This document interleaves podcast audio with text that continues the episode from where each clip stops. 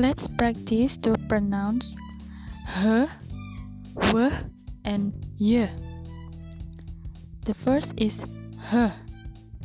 Hate, heal, hide, hit, how. And second is w.